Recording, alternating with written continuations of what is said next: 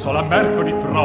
Bättre än alla andra städer här i Norden. Jag vågar till och med påstå, ja, bättre än någon annan fläck på hela jorden. Du talar som en häst, Uppsala är bäst. Bäst utav allt som finns på denna sidan solen. Och maken till en stan, vilse ta mig fan. Letar du också från ekvatorn åt det Hej och välkomna till What's Uppsala? En lokalradiopodd av Allt åt alla Uppsala. Jag heter Martin.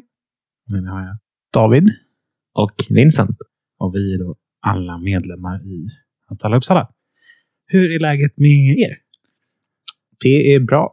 Eh, vi har ju varit på eh, något som heter Stad och land här i Uppsala tidigare idag. Eh, pratat om typ eh, bostadspolitik och närodlingar och annat kul. Det var väldigt trevligt. Jättetrevligt. Det var då med Stad och landnätverket, Solnätverket, eh, som var någon typ av grupp baserad på en eh, folkhögskola mellan Uppsala och Gävle som var ute på turné på olika orter och pratade om olika typer av organisering för eh, grupper som både bryr sig om liksom, politik i städer och politik på landsbygden och att få dem att mötas.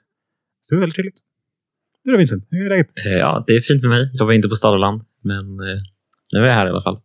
Jag var också på, uh, ute i snöstormen tidigare. Inte så nice på uh, nationell aktionsdag för native marknadshyror. Så jag stod ute på Västertorg alldeles i närheten och lyssnade på tal i snöstorm. All right.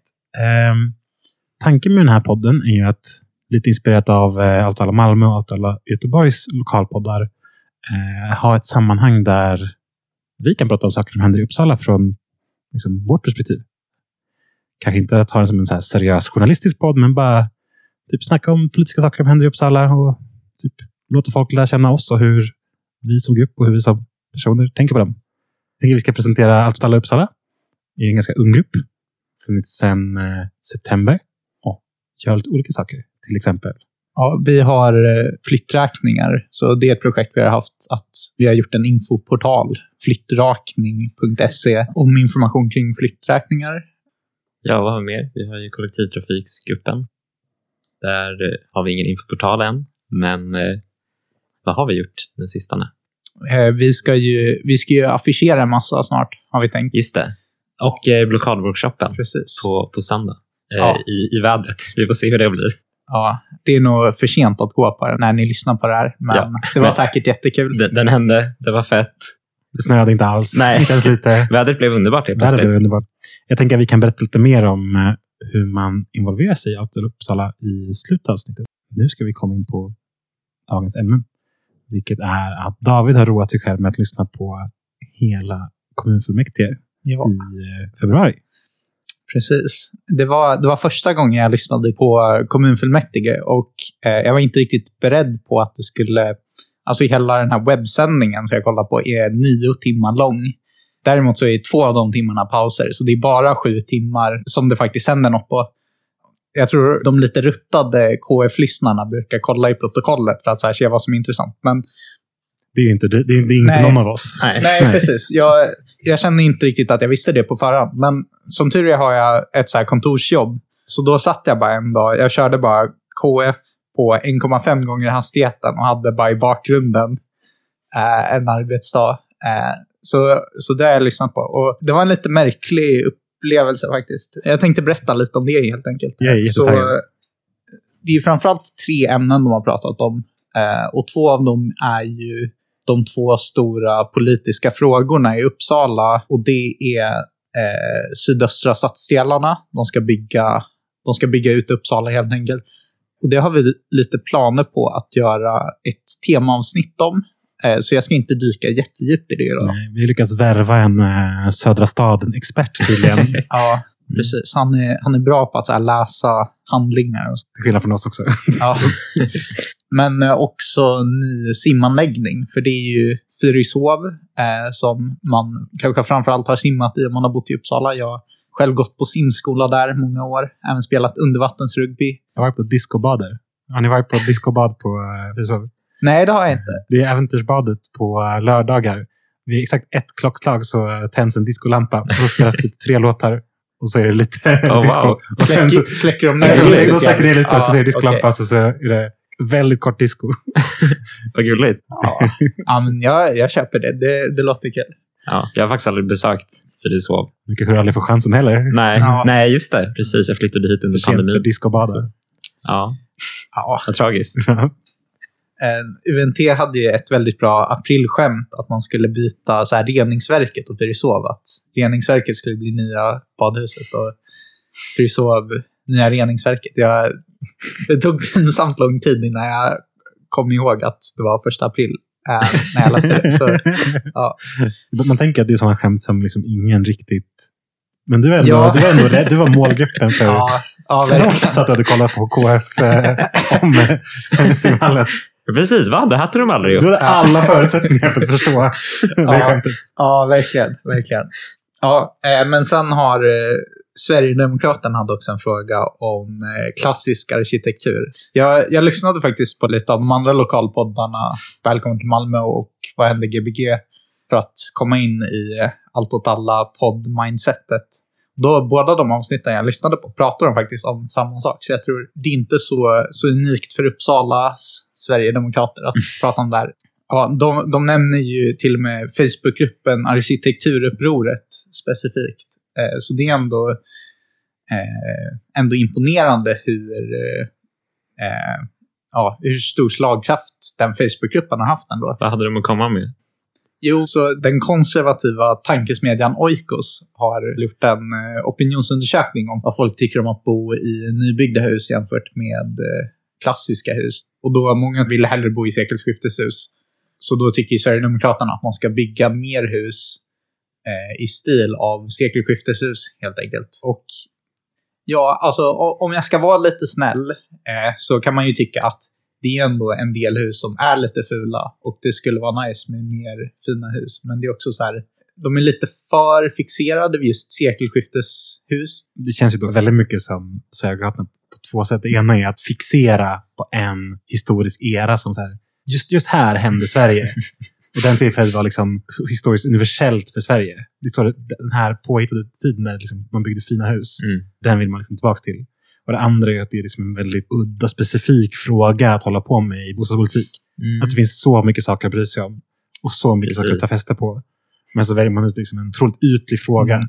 Två andra sätt som jag tycker är väldigt typiskt Sverigedemokraterna är ju dels att det är väldigt populistiskt. Liksom. Det är den här Facebookgruppen Mm. Mm, och, och, så, och det är väldigt, ja så här, en Facebookgrupp med så här väldigt stark så här boomer, arg boomer-energi. Liksom. Och sen är det också så här, vet ni vem som hade älskat arkitekturupproret? Hitler. Alltså, jag vet inte riktigt. Wow. Vi hann typ 12 minuter in i den här Ja, där har vi det. Men det här med liksom, alltså, fixering vid arkitektur är en ganska liksom, genomskrivande fascistisk grej. Alltså man undrar varför tror Sverigedemokraterna att vi bygger fula hus idag? Mm. Men det är också en intressant sak som händer i KF, att både någon från Socialdemokraterna och Vänsterpartiet är så här, ja, man bygger fula hus på grund av marknaden. Och då är Sverigedemokraterna lite så här, men kom igen så här, vänstern, ni borde väl ändå hålla med om att ja, då kanske det offentliga borde ta lite mer ansvar istället för att lämna allt åt marknaden. Typ. Ehm, alltså det, det är ändå lite trist av Vänsterpartiet till exempel att vara så här, ja, ja men det är så här på grund av marknaden, gud vad dåligt det är. Det är lite så här loser-mentalitet typ.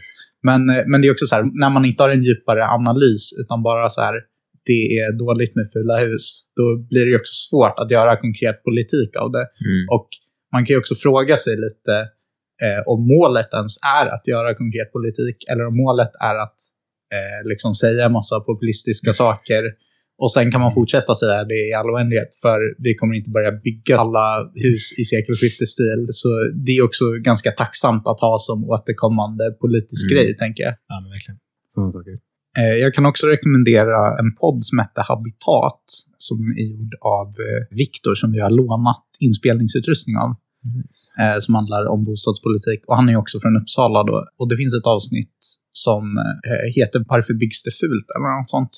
Som handlar om just det här, o- om de vill ha lite mer seriös vänstertake på det här ämnet kan jag rekommendera det. Jag måste erkänna att sådana saker som eh, arkitektupproret är exakt den typen av grejer som jag liksom blir lite matt av. Att tanken på att ha ett starkt ställningstagande om hur hus borde se ut, jag blir bara lite trött. Det var en aside. Åt till KF. Ja. Ja. Eh, vi har ju sydöstra stadsdelen och jag tycker det är ganska mycket tjat om ganska lite. Det, det är ändå två timmar eh, av KF bara om eh, sydöstra stadsdelarna. Då. Men eh, ja, en viktig del till bakgrunden av varför de här byggs är för att eh, Uppsala kommun har någon slags avtal om att eh, staten ska finansiera fyra järnvägsspår eh, från Uppsala till Stockholm om Uppsala bygger en ny stadsdel. Men tydligen är det så att Trafikverket har inte gjort rum för det i sin budget. Så därför är det lite oklart huruvida avtalet gäller. Och det är mycket som bara är så här tjafs om det. Och ja, det, jag tycker inte att det var så himla intressant. För det är lite så här, eh, ja, det skulle ju vara tråkigt. Om vi bygger den här stadsdelen och så blåser staten Mm. Uppsala på de fyra spåren. För de har ju mer eller mindre byggt nya stadsdelen. Rosendal har ju liksom uppstått Mm. typ nu. Mm. Ja, precis. Det är mycket, mycket som byggs i allmänhet. Det ska också byggas vid Gunstad till exempel, strax utanför Uppsala. Eh, och så. Eh, de håller ju på att eh, avverka skog för det här nu. Eh, till exempel Extinction Rebellion eh, hade ju en protest där de var i vägen för, för skogsavverkningen helt enkelt. Mm. nyligen. Det är lite intressant för eh, Miljöpartiets kommunalråd pratar om ja, det är väl tråkigt att fälla lite träd, men det här är på riktigt den bästa platsen att bygga det. Och det kan man ju tycka, men det är också så här, om Miljöpartiet gör anspråk på att tillhöra miljörörelsen och vara liksom deras del i riksdagen, men de är så otroligt eh, ur synk med liksom, miljörörelsen på gatorna och så. Eh, och det har ju också varit många, till exempel biologer som har skrivit debattinlägg i UNT om att det är dåligt för att det finns utrotningshotade arter och så. Men ja, Miljöpartiet eh, är ändå väldigt för det här. Ehm, och ja, det är ju kanske en ganska gammal observation att Miljöpartiet inte har så bra kontakt med sina gräsrötter. Men ja, det, det är verkligen övertydligt här. kommer du få eh, arga brev. Eller arga mejl från miljöpartister som lyssnar på den här podden. Säkert. Ja, Du är redo att ta den. det behövde sägas. Det, det var väldigt, eh, ja, väldigt kontroversiell åsikt här. Att Oh Miljöpartiet ja, oh ja. Inte så bra. Ja, inte, men- inte helt förtjust i dem. Men eh, det är faktiskt så att alla partier är ändå för sydöstra stadsdelen på ett eller annat sätt. Mm. Eh, Men man är inte riktigt överens om detaljerna. Till exempel så vill Centerpartiet att det byggs eh, hälften så mycket och att man istället för spårvagnar ska ha så här rapid transit bus. Nej. Ah. Du, jag, tänkte, jag tänkte exakt, när du, exakt när du, innan du började säga det, jag tänkte säga det enda som mitt eh, entusiasm över eh, Södra staden bygger på ifall Uppsala får en Oh spårvagn ja. eller inte. Oh ja. Alltså, Ja, jag, vill jag, bara ha det. Jag vill bara att det ska vara en spårvagn i den här staden. Vi kan, Ja, vi kan hugga all skog. ja, exakt. Räls. Snälla jag, nu. ja, ja, men jag, jag känner faktiskt precis likadant. Jag är i, ja, okej, nästan alltid för spårvagnar. Jag, jag bara älskar spårvagnar. Eh, Jag var i Helsingfors häromveckan. Det var jättemycket spårvagnar. Så jävla nice. Ja. Fy fan vad, fy fan vad ballt med spårvagn. Ja. Jag tänkte, jag tar tillbaka min tidigare uttalande. Ifall de ville dra en spårvagn genom Hågadalen, då hade jag sagt, jag hade sagt nej. Ja, jag har vissa begränsningar i min Ja, entusiasm. okej. Men eh, ja, eh, det är ju tydligen Rapid Transit Bus är tydligen så här, eh, bussar med typ elkabel. Just det. Så, det är lite häftigt. ja, Det är sådana de har i Malmö, som, som har liksom, typ täckta däck. De ja, just det. Som ser ut som typ larver. Exakt. Ja, ja De men ser- exakt. De ser ut som tunnelbanevagnar på vift. Först trodde jag att det bara var ett sätt att säga så här buss, fast på engelska. Precis. Jag Ja. tänkte också bara en, en lite häftig buss. Är det en, är det en hyperloop nu liksom? Ja, exakt. En hyperbus. Men det är väl en jättegammal... Alltså att det, alltså sådana bussar fanns det betydligt mer av tidigare. Och sen övergick man från dem till att ha bensinbussar. Mhm. När man först började bygga bussinfrastruktur så var det ganska många städer som hade just sådana elbussar som gick på, med elkablar. Alltså det är som en, Ah, som nu ett, alltså det- Ja, som det ett- som ett tåg. som- Aha, ja. just det. Men varför inte bara ha en räls under lika gärna då? Och ha en spårvagn. Det är säkert en bra eller dålig anledning. Ja. Just att Centerpartiet är för det får mig att tänka att det inte finns någon bra anledning. Ja, de pratade om att rälsen skulle orsaka mycket vibrationer och ljud. Eh, Jag är inte tillräckligt insatt i spårvagnar för att vara säker på om det är sant. Men eftersom att jag är så pro-spårvagnar så är jag för spårvagnar, även om Centerpartiet har rätt i just det här. Eh, men eh, trots att alla partier är för, liksom i någon mån, att ja, men hugga ner skog och bygga bostäder där, så är det lite oenigheter om exakt hur man ska göra det. Då. Till exempel Sverigedemokraterna vill att man ska bygga en massa villor, typ. Mm. Vackra sekelskiftesvillor. Ja, exakt. Just det. Eh, på tal om Miljöpartiet. Deras motivation för det är också att de vill att det ska vara en stadsdel som är byggd runt kollektivtrafik mer än att det ska vara en så här, bilcentrerad stadsdel. Som man hade, skulle kunna tänka sig att det blev om Sverigedemokraterna byggde en Mm. massa villor till exempel. Mm. Eh, och det är ändå sympatiskt, får jag ge miljöpartisterna. Eh, sen, jag är inte så insatt i olika ställen där man skulle kunna bygga en ny stadsdel, men det hade ju varit ett plus om man kunde få det utan att hugga ner en massa skog där det finns utrotningshotade arter också. Men ja, så lätt kanske inte. Den här nya stadsdelen är alltså inte Rosendal. Just det, de, de pratar om sydöstra stadsdelarna i plural. Så det är inte bara Rosendal, förstår jag det som. För de håller på att bygga ett nytt område nere vid eh, heter den vägen, Dag Hammarskjöld som ut mot SLU-hållet. Mm. Där håller de på att ställa upp en hel ny stadsdel nere vid den vägen. Och sen så är Rosendal håller på att tätas ihop så att den södra och norra delen av Rosendal ska bli ett enda stort stadsdelsblock. Mm. Och Gottsunda byggs ju också i. Men det ska, det ska byggas ännu mer stadsdelar. Ja, det, är- det är så jag uppfattar det. Men vi får väl djupdyka mer i det här i ett senare avsnitt också, Ja. tänker jag. Absolut. Ja, men eh, precis. Moderaterna var liksom med på dealen för att det skulle bli en majoritet. Men på villkoret att jättestor del av husen som byggs är bostadsrätter och inte hyresrätter. För eh, ja, Moderaterna hatar hyresgäster. Nej, men det är alltså eh, i, med Margaret Thatcher i England så hade hon ett projekt att omvandla mycket socialt ägda bostäder till eh, bostadsrätter för att då skulle folk bli mer konservativa. Eh, och jag föreställer mig att det, det är väl samma tänk hos Moderaterna. Det är väldigt viktigt för dem att folk äger bostäder för att de då ska identifiera sig mer med liksom, ja, kapitalägare. Mm. Jag tror verkligen att det stämmer att folk blir mer höger av att äga sin bostad. Mm. Jag tror dock inte att mekanismen nödvändigtvis är att man liksom får en plötslig liksom aktiv entusiasm över ägandet. Mm. Men jag tror att när man äger en bostad som har ett högt lån på sig och eh, där återbetalningen bygger väldigt mycket på att ens bostad fortsätter öka i värde. Då är man ju verkligen bunden till en tillväxtpolitik Mm. där bostadsvärden fortsätter gå uppåt. Så man vill prioritera att få ner liksom, kostnader på ägande av bostäder. Man vill att bostadsmarknaden ska fortsätta liksom, alltså, matas och hållas igång. Och att den, den stora liksom, högertendensen i bostadsägande ligger just i det här ekonomiska behovet av att den bostad ska gå upp värde. Mm. Det finns en väldigt bra artikel här en, tror en skotsk geograf som heter Hamish Callan, ganska ny, 2020 tror jag han skrev den. Eh, där han pratar om både om hur bostadsägande får in en, liksom en marknadslogik eller liksom en viss ekonomisk logik. Han pratar också om vilket enorm eh, klimathot bostadsägande är. Alltså lån är ju egentligen bara ett löfte om framtida arbete. Mm. Och arbete i vårt samhälle är väldigt kopplat till användning av resurser på olika sätt. Alltså tillväxt bygger på utsläpp. Mm. Och ifall vi har en jättestor del av befolkningen som har lovat att jobba jättemycket mer under jättelång tid framåt, så är vi liksom bundna till en fortsatt klimatförstörelse bara Mm. genom sättet vi äger bostäder. Jag tycker det är en jätteviktig poäng om bostadsägande och lån. Oj, intressant. Mm. Precis, men jag tycker en sak som skaver lite med den här politiken är att det kommer ju fortfarande finnas folk med liksom eh, lågbetalda jobb som liksom måste hyra bostad eftersom att om man har liksom eh, bostadspriser som bara blir dyrare och dyrare så kommer ju fler och fler inte ha råd att eh, flytta till en bostadsrätt heller. Eh, så det är också så här väldigt typiskt för liksom, eh, Moderaternas eh, liksom förhållande till arbetarklassen Mm. i någon bemärkelse. Att man liksom lite glömmer bort att de finns eller typ inte fattar att liksom alla kan inte vara typ IT-konsulter med dyra bostäder.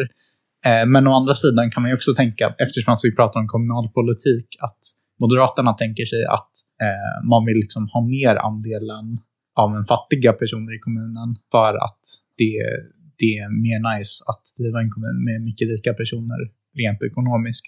Eh, så då försöker man att ha mycket bostadsrätter och låg skatt. Typ. Ja, alltså man tänker väl mycket att sånt där är självjusterande. Alltså det är väl samma sak som att högerns argument för marknadshyror är att om man får bygga hur dyra hyresrätter som helst, då kommer de billiga som finns bli lediga plötsligt. Så här- Alltså flyttkedjeidén som Mm. absolut inte stämmer eller fungerar.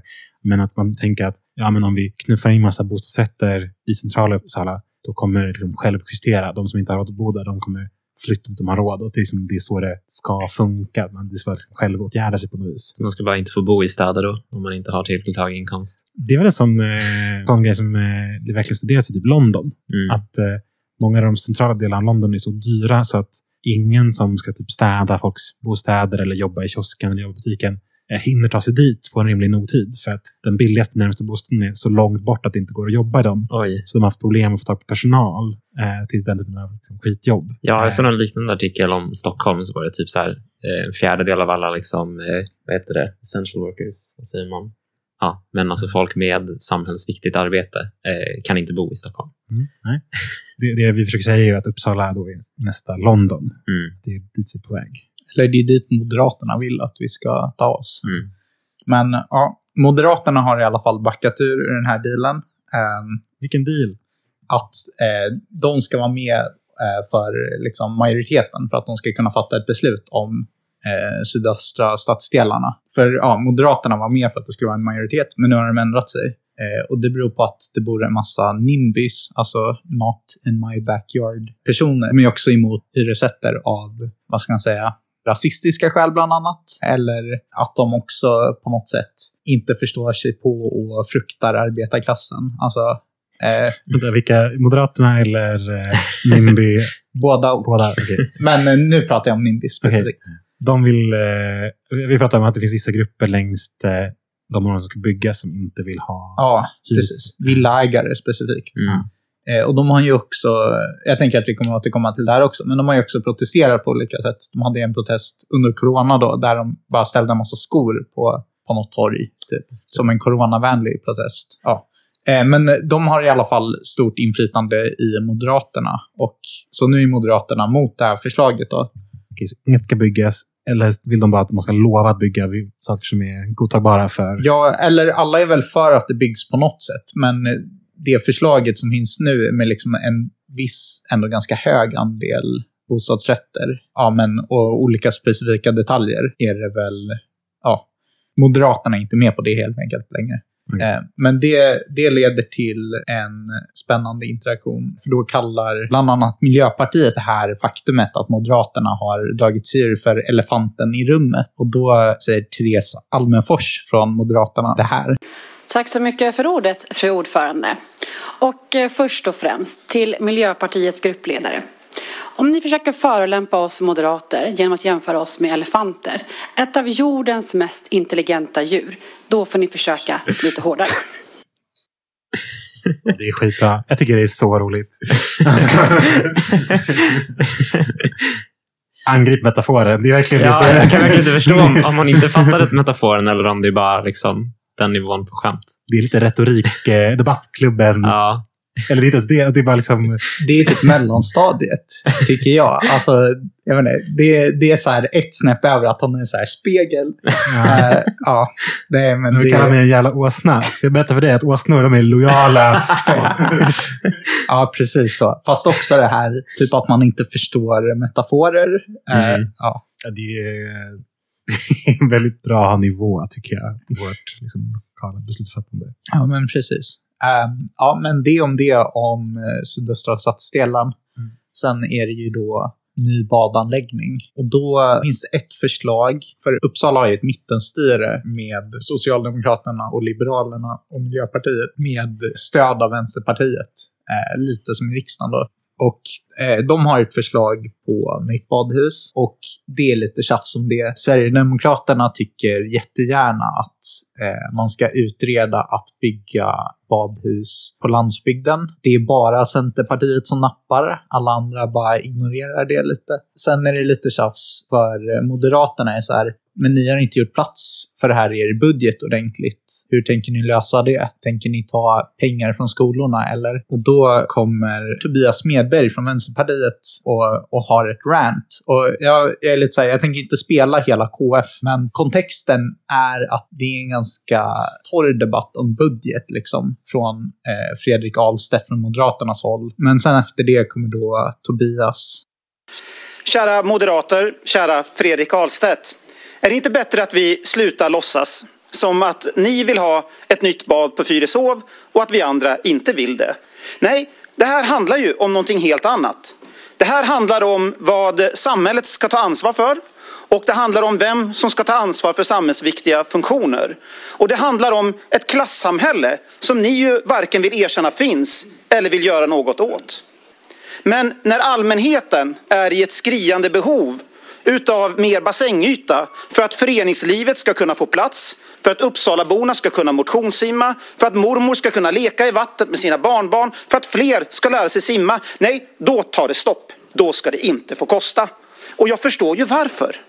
För om man ska lyckas med era budgeterade skattesänkningar, ja då måste samhällets ansvar krympa istället för att växa.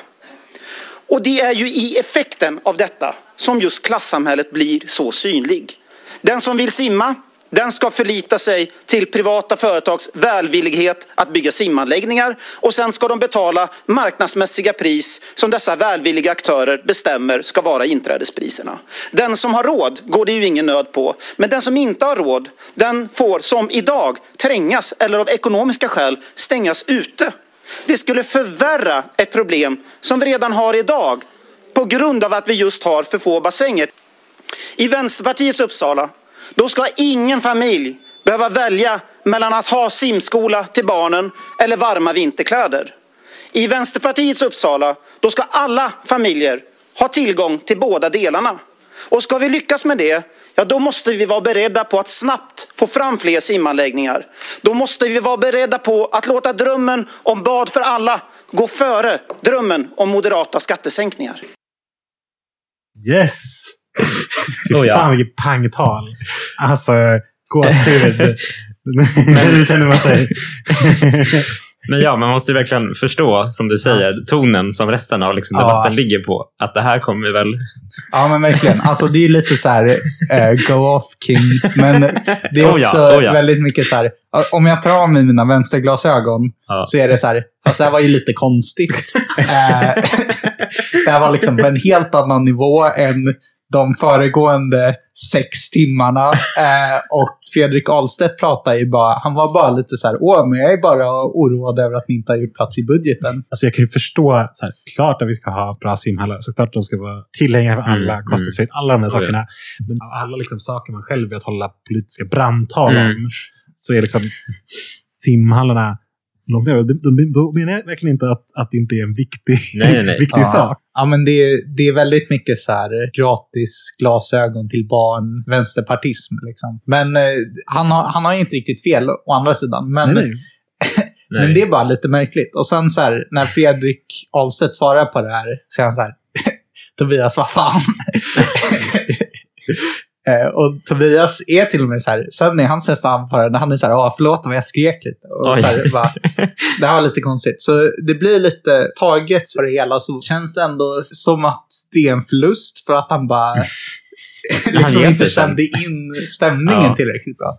Men för jag funderade på, för jag direkt efter att jag såg det här, eller liksom samma dag, gick jag in och kollade på Vänsterpartiet Uppsalas Instagram-kanal. För jag tänkte så här, det här kanske är någon grej, alltså som ibland brukar de ju lägga upp klipp från riksdagsdebatter. Eh, Ja. om, om det var därför han gjorde det, för att det skulle bli ett riktigt bra Instagram-klipp. Och det tror jag fan, Content. Ja, liksom, Ja. vem talar han till egentligen? Exakt. För jag tror det här hade blivit ett jättebra Instagram-klipp. Ja. Så tips om någon som jobbar på Vänsterpartiet Ja. Uppsala ser det här. Om Tobias bara får feeling och kör i kommunfullmäktige. Då vill vi veta. Vi vill Ja. inte behöva lyssna på hela.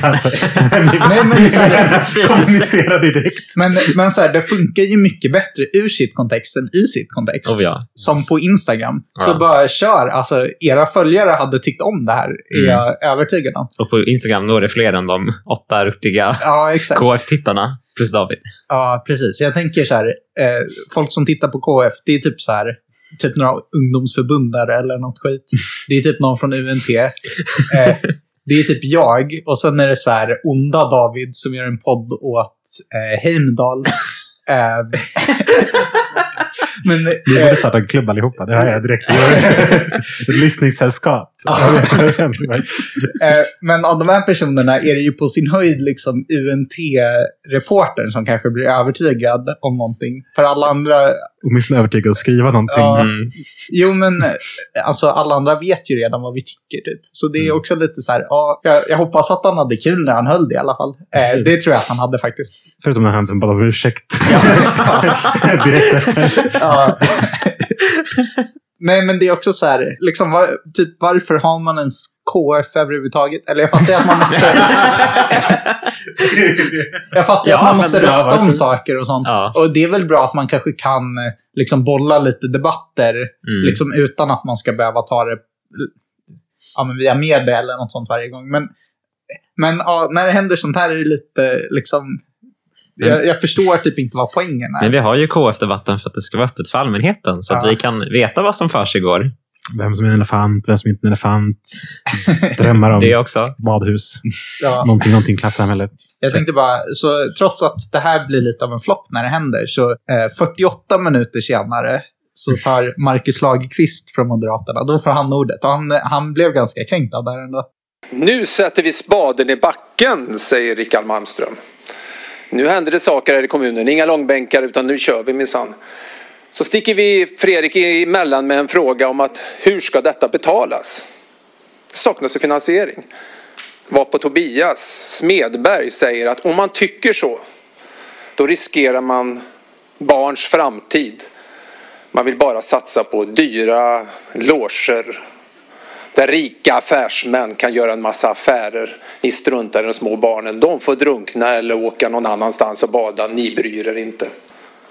Mina vänner, politik är inte bara att vilja. Politik är att välja. Och vi moderater har en liten udda uppfattning, nämligen att man ska, kan inte lova allt till alla, utan det man lovar, det ska man hålla. Det är en lite udda uppfattning, jag vet det. Men det är den uppfattningen vi har. Och de här förslagen saknar finansiering. Och någonstans där hamnar vi Tobias. Du var ju så oerhört arg på våra skattesänkningar. Ja, jag vill sänka skatten för vanligt folk. Jag vill sänka skatten framförallt med de med små marginaler. Det är en rättvisefråga för mig.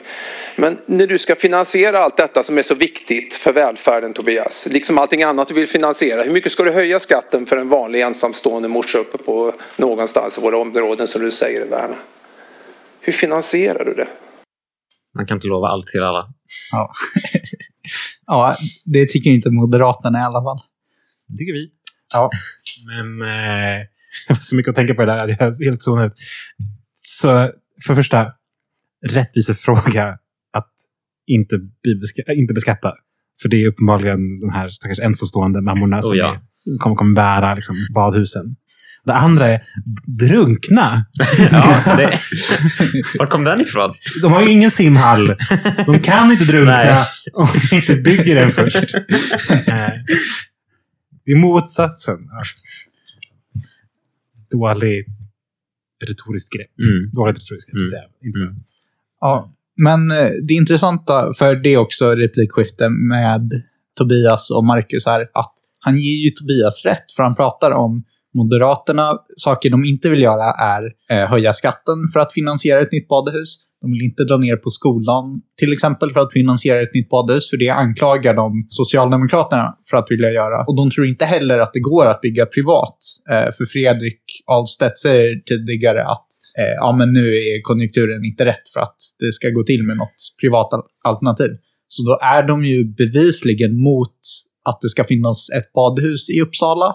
Så om, om han inte hade tagit baitet, då hade de ju kunnat fortsätta låtsas som att De vill ha badhus. Ja, eh, och det, det var ju Fredrik Ahlstedt mycket skickligare på att inte ta baitet. Liksom. Men nu sabbar Marcus, det är fruktansvärt. För nu, om man liksom tänker efter, så är det ju uppenbart att så här, ah, nej, eh, kolla Tobias hade rätt ändå. Så eh, även om det liksom i stunden var lite pinsamt så, så måste jag ändå ge Tobias en poäng för det här. För, ja, En rage-beatad Moderaterna. ja exakt. Brandtalet visade sig funka. Ja. Det där är verkligen... Eh, det med, alltså, man slänger så mycket ord med nyliberalism och den som politisk ideologi.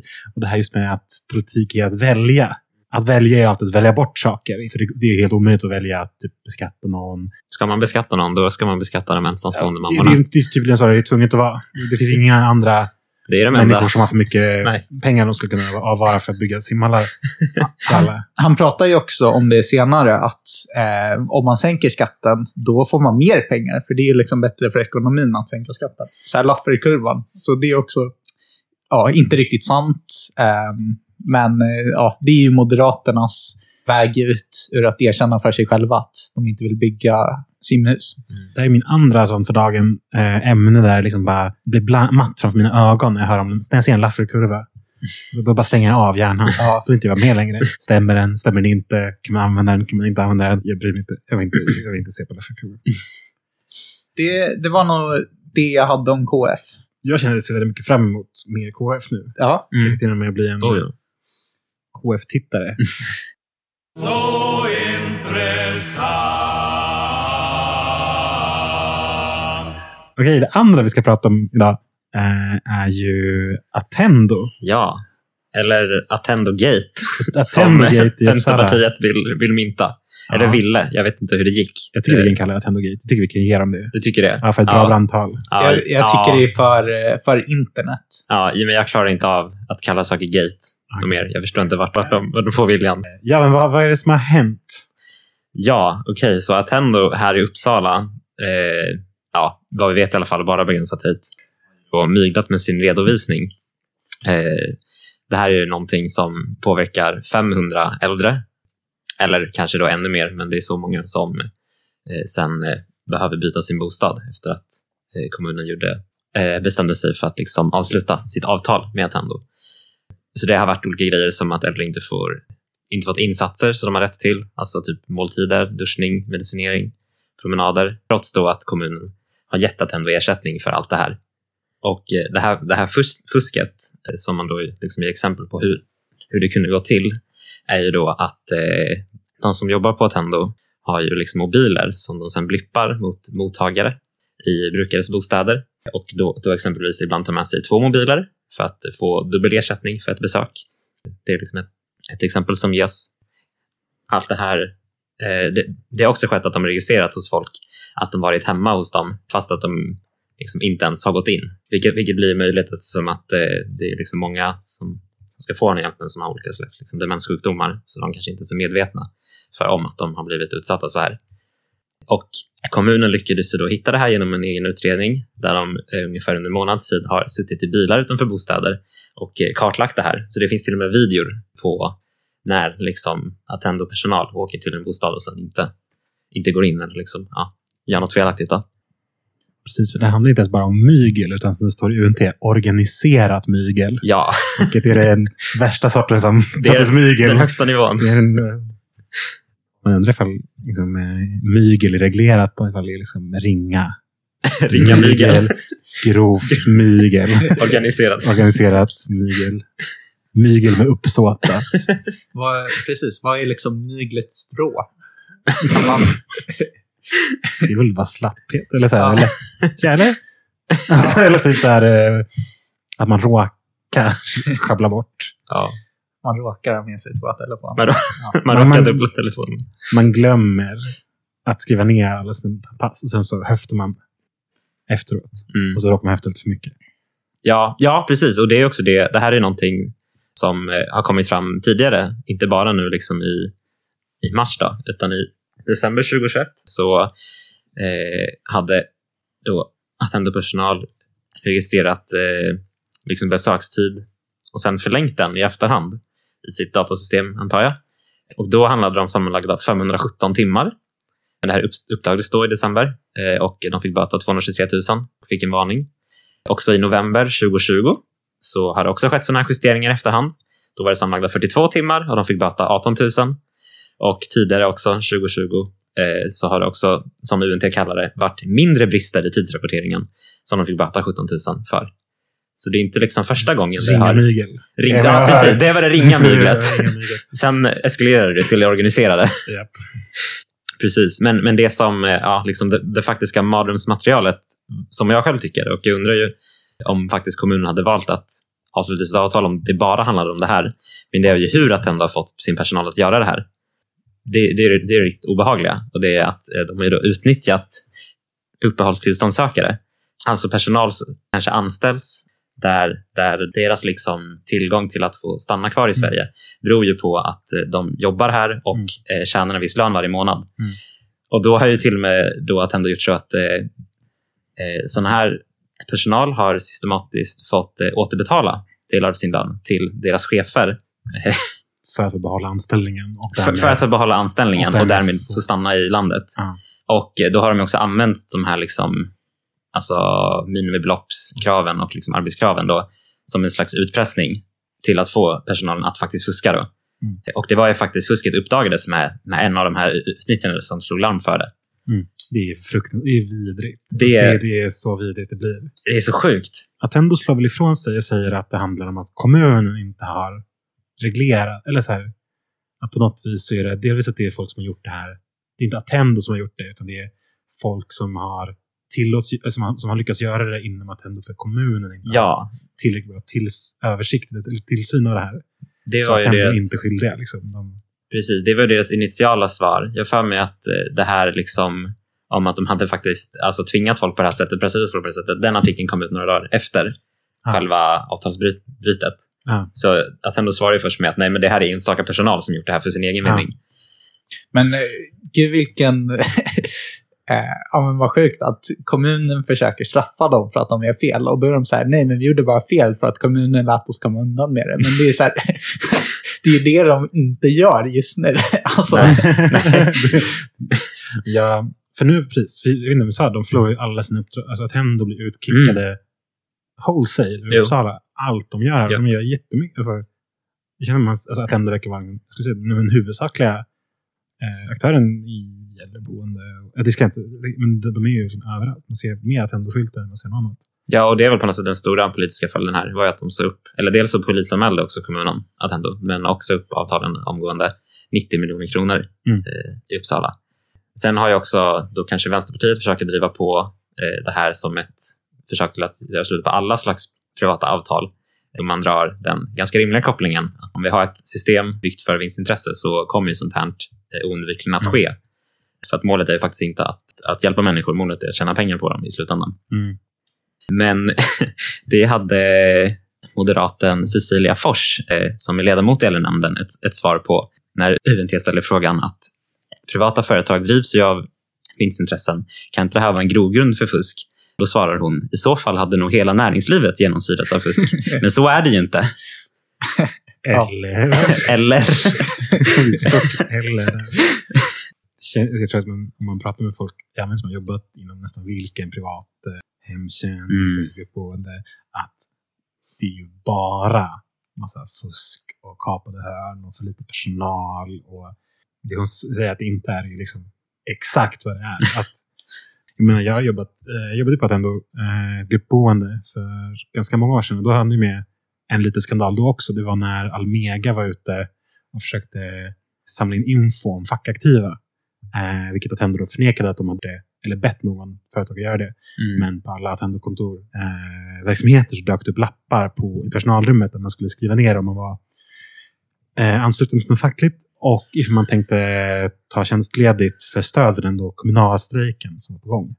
Den lappen satt jag jobbade och, och på flera andra ställen. Så det var ju absolut en sån alltså bara extremt skurkaktigt Ja. beteende också. Så, så det här har ju pågått länge med sånt här. Mm. Och den var ju, det var ju uppe i media, men det, det var ju, om jag tänker på liksom min bild av hur Attendo fungerar så är de ju den perfekta strukturen för att fuska inom. Mm. Jag tror också att Attendo, även i den mening de inte uppmanar till det, så tjänar de väldigt mycket på att det fuskas. Typ, jag jobbade för- framförallt där på sommaren och en väldigt återkommande sak var att de hade det så kort om personal att det var ändå ganska ofta som någon inte kom in på passet efter. Så man kanske var en person som hade jobbat eh, hela kvällen och hela natten ensam. Och på morgonen skulle en annan person komma och byta av och ta över dagspasset. Men den personen hade inte bokats in, eller det fanns inga vikarier, eller på något Mm. vis så var det så att det dök inte upp någon. Och de flesta människorna som är rimliga, eller så här, har någon medmänsklighet, lämnar ju inte fem stycken boende Nej. på ett gruppboende. då stannar man kvar och gör nästa pass också tills nästa person kommer in. För man kan inte, alltså, det var så hemskt att, bara, att, lämna, att lämna utsatta personer utanför. Och när man sen gick till att för att säga typ ah, jag blir kompenserad för att ni lät mig jobba 50 timmar i sträck. Då sa de nej, nej, det finns en lag som säger att vi får inte belöna den typen av arbete, för det skulle uppmana till den här typen av eh, arbete. Så då fick man ju bara grundlönen för att det inte fick, det fick inte utgå någon belöning för att jobba över på det sättet, för det var olagligt. Och det här hände ju om och om och om igen på ett sätt som helt och hållet löste Attendos eh, personalbristproblem Mm. genom folk slet ut sig på grund av att de var medmänskliga rimliga. Det är ja, men så himla sjukt att de bara, ja, vi kan inte ge er pengar för det, men vi kan ändå på andra sätt liksom känna er tvingade att göra det här. Så Mm. eh, vilken, vilken fars. Ja, och när jag hör om de här skandalerna nu, när man tänker på de systemen, Mm. eh, så, var ju, så tänker jag att det fungerade på typ exakt samma sätt. Det finns inga dokument som säger att de uppmanar folk att bete sig. Det finns ingenting som liksom, det är bara liksom, är det logiska som händer. Och så länge det inte avslöjas så passar det ändå perfekt. Mm. Att det rullar på så att eh, de har anställda som inte vågar eller kan säga emot. Så de kan betala väldigt lite och så deras chefer kan kompensera sig. Liksom, det är ju mellanchef men ändå kompensera sig gött. Och det här med arbetstimmar och alltihopa. Alltså, det är bara plocka ut pengar ur det allmänna. Ja, ja men det, det är det som är lite intressant också. För att då när liksom högern ska komma med liksom lösningen på det här problemet så är det såklart inte att ja, hela systemet är problematiskt. Utan då föreslår de ju så grejer som ja, fler utredningar, eh, alltså tätare efterföljning. Men är inte det liksom att skapa bara mer byråkrati som de ändå påstår sig vara emot? Ja, Eh, då ska man helt plötsligt bygga ett liksom, jättekostsamt system runt att liksom, tejpa upp alla de här hålen eh, istället för att bara ja, ta bort vinstjakten ur hela, och hela systemet. Myten om att högern och privatisering och Mm. nyliberalism och new management på något vis motverkar byråkratisering måste dö. Oh, ja. Det är absolut motsatsen. Mm. Fler formulär, fler saker att godkänna, fler mellansystem, mer granskning, mer administration. Alltså det är bara mer byråkrati. Eh, och byråkratin kostar också. Varför ska vi betala? Vi, vi släpper in massa privata aktörer i vårdsektorn och sen så ska vi betala för att de måste hålla oss koll på stenhårt. Mm. Så här, varför vill vi ha de de. här aktörerna Ja. om vi måste skapa ett jätteavancerat system för att hela tiden hålla koll på att de inte fuskar? För de är så himla, de är så himla motiverade att fuska Ja. att vi måste utreda dem konstant. Det, det, det är uppenbart att det är liksom... Vem skulle vilja ha ett sånt system? Förutom någon som sitter både i Attendo och Moderaterna. Eller dubbla stolar. Alltså, det är den typen... Alltså, Mm. Precis. Det, det finns ju någon tanke om att eh, privata vårdföretag ska vara effektivare på olika sätt. Men det finns ändå begränsat med saker man kan göra. Men en av dem är ju att få folk att jobba dubbla skift och sen inte betala dem för det. Det är ju väldigt ekonomiskt effektivt ändå, får man ju säga. Så, ja. Och som, som alla förstår så ger man ju mycket sämre vård sin femtionde timme på arbetsplatsen Oh, än sin tredje, fjärde, femte, sjätte timme. Men då har vi annars eh, UNT-ledares take eh, på det hela Ja, om, om varför fusk pågår. Eh, och då har vi eh, Sakine Madon eh, som eh, skriver så här. Eller ja, just det, precis. Först så påpekar hon att det fusket skedde just i Gottsunda och eh, säger då så här. Om det är en slump. Tyvärr tror jag inte det.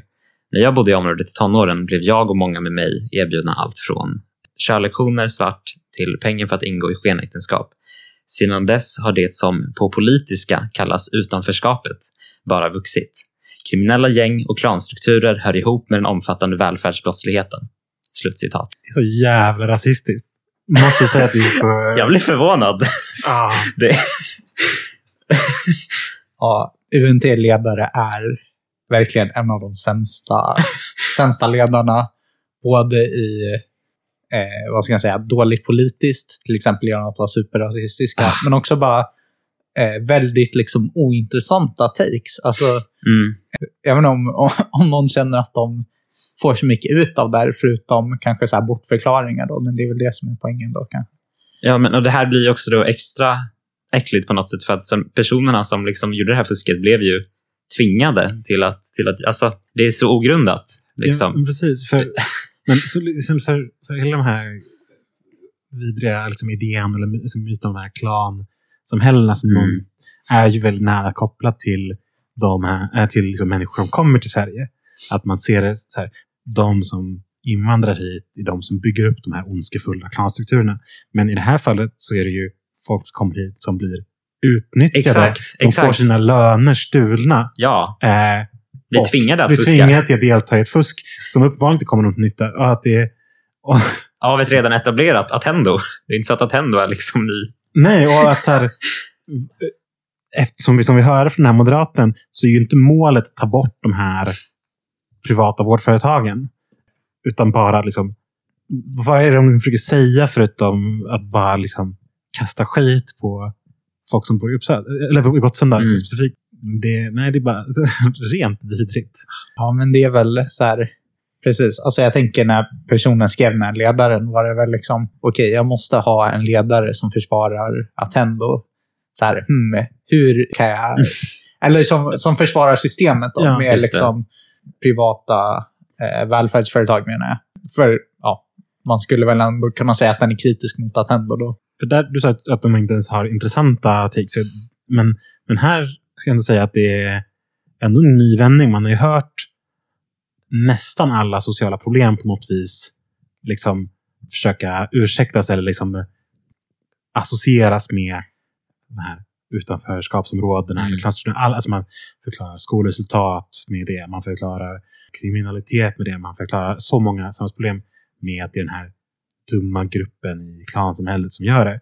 Men jag har aldrig hittills hört någon skylla privatiserings, alltså, priva, privata vårdföretagsproblemet på, på det. Nej, Eh, det är ändå en ny take. precis, Attendo är, är ett bra företag tills de blev infiltrerade av klanstrukturer eller organiserad brottslighet. Alltså vad, vad, och att det är inte ens som att hon har något som helst... Alltså det finns ing, hon har ingen bevis på att det skulle vara så. Så hon bara höftar från sin barndom. Mm. Ja, med just några det. så här orelaterade saker. Som att var hon, hon köpte saker. Eh, körlektioner svart. Precis. Alltså det här, där ser man ju att någon kommer utnyttja Äldre. eh, ett äldre och, eh, Och, ja. un, eh, uppehålls- liksom, sökande.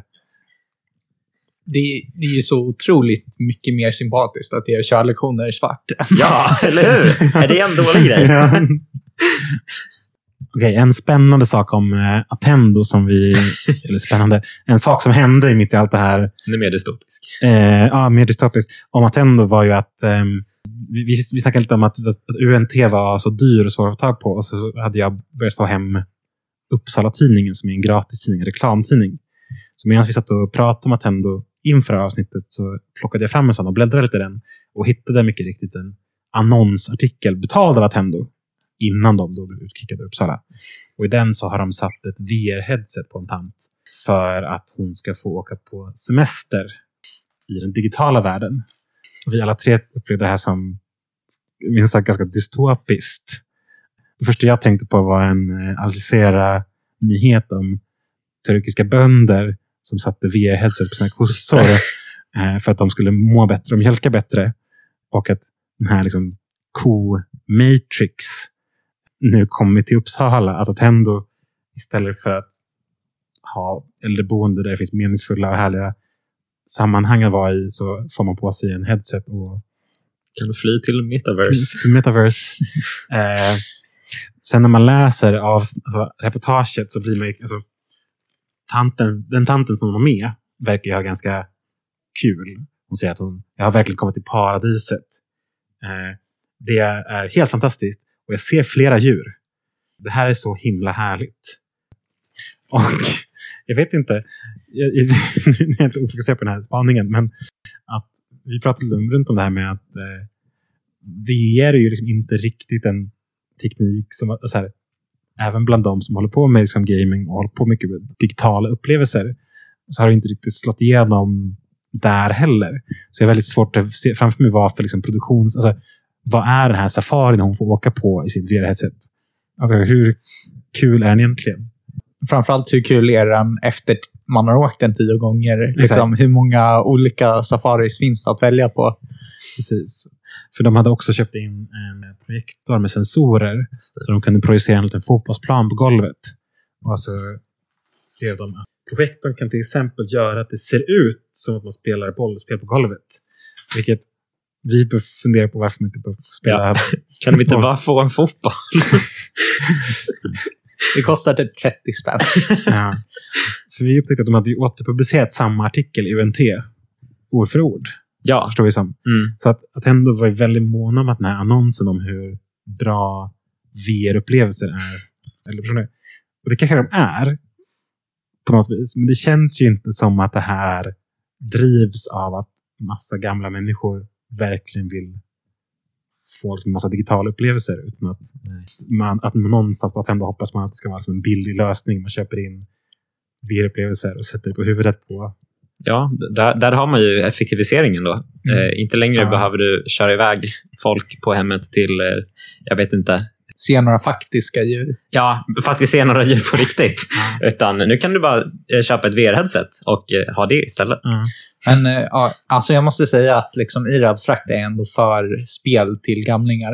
Mm. Eh, Ja, ja. Men ja, problemet är som Vincent säger att det handlar ju om ett försök till effektiviseringar. Så man skulle ju kunna vara så här, vi måste ge äldreboende mer pengar så att man har råd att köpa in kul spel. Så är det ju så här, det här är ett sätt för Attendo att effektivisera sin äldrevård. Så då blir det att de tar något annat, det vill säga kontakt med riktiga människor till exempel. Och Eller en byter ut fotboll. mot, ja, eller, eller en fotboll. Och byter ut det mot spel.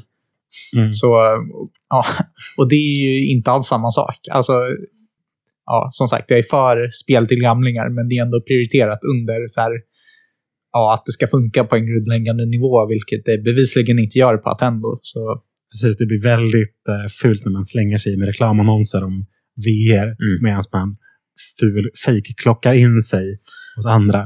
Eh, jag har också en eh, trendspaning om det här. Jag vet inte ifall ni såg i nyheterna om den här gig-appen Gubbe.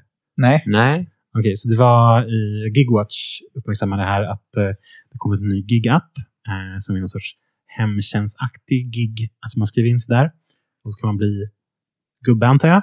Och det man får betalt för är då att till exempel åka hem och handla åt eller personer eller att åka hem och hänga med dem. Så att man har liksom en gig-hemtjänst. Att ifall du, har, ifall du är en äldre person som har råd att betala för lite socialt för lite sällskap så kan du få det av gigjobbare. Och jag tänker att det här som vi pratar om med VR-headset är en utmanande trend. Det sammanfattar vad saker som pågår i kapitalismen idag. Automatisering versus gigifiering. Så Attendos VR-idé är liksom pushen. Vi sätter VR-headset på alla gamlingar och automatiserar eh, att ha en meningsfull vardag eller socialt ute. Men sen så utmanas de av eh, gubbe då, som försöker gigifiera samma sak. Att säga att nej, nej, eh, vi behöver inte automatisera den här typen av funktioner. Vi kan istället hitta eh, en lågbetald, rättighetslös arbetsmarknad av eh, människor som behöver pengar och få dem att göra det här. Att det kommer vara den vinnande trenden i hur vi inte tar hand om våra äldre på ett humant bra sätt. Den moderna kapplöpningen. Samlad i en liten eh, äldre. Men, men om det är någon tröst så tror jag att Attendo har köpt typ ett VR-headset som de har använt för den här reklamen. Eh, och egentligen handlar det om att de vill marknadsföra sig till eh, techälskande liberaler så att de kan Precis. så att folk kan föreställa sig kanske hur eh, det skulle vara bra med privata äldrevårdsföretag som kan innovera på det här sättet. Snarare än att ja, de faktiskt använder VR-headset i någon större skala. Nej, precis. För ifall det hade skett någon sorts riktig push för att så här, wow, den här revolutionerande tekniken finns för att som det är en, en av de äldre eller det är bara en person i den här artikeln, men, Mm. men hon får också åka på en semester till Bali i sin VR-headset. Och ifall det var liksom en riktig revolution, teknikrevolution där massa människor var så här, wow, det är så himla grymt att åka till Bali i VR-headset. Då hade ju en journalist åkt dit för att prata om det här fenomenet. Mm. Ingen hade behövt betala för att det här skulle skrivas om som en reklamannons. Så det, det känns ju bara väldigt falskt. Och som sagt, antagligen ett VR-headset. Då säger vi väl att vi hoppas att det här har varit intressant att lyssna på oss prata om de här sakerna, om Uppsala saker i det första avsnittet. Vi hoppas också att ni som lyssnar följer oss i Allt alla Uppsala i våra andra kanaler för att se saker vi håller på med. Vi hoppas också att du som lyssnar på det här ska bli pepp att involvera dig i de sakerna vi håller på med. Vi behöver alltid mer människor som kan göra allting från att posta i våra sociala medier till att komma på möten, till att eh, göra fina bilder till affischer, till att sätta upp affischerna. Eh, ingen insats är för liten för att spela roll för oss. Och, eh, vi håller på med flera spännande projekt. Vi håller på med bostadspolitik som vi sa. Vi driver en kampanj mot orättvisa flytträkningar. Vi håller på att bygga ihop en kampanj om, eh, mot bilism eller mot massbilism i Uppsala och för fri och gratis kollektivtrafik. Vi håller också på att göra den här podden plus att ta fram lite grejer om piratpolitik. Jag vill också tillägga att det här är en väldigt spännande tid att vara med i Allt åt alla Uppsala. För ja, som Martin sa, vi har funnits i liksom under ett år, vad det nu blir, åtta månader, något sånt. Mm. Eh, så det är väldigt mycket som är liksom nytt och inte bestämt än. Så eh, man får till väldigt stor del vara med och liksom forma vad vi håller på med och Mm. baserat på vad man själv tycker är intressant och så vidare. Mm. Så eh, det är, eh, gå med. Det är jättekul. Och om man vill gå med kan man skriva till oss på Facebook på Allt Uppsala eller till vår Twitter som också är Allt Uppsala och eller vår Instagram som är AAA Uppsala. Man kan också mejla oss på uppsala altatalla.se. Tack för oss. Ja, tack för att ni lyssnade. Hej då! Hej då!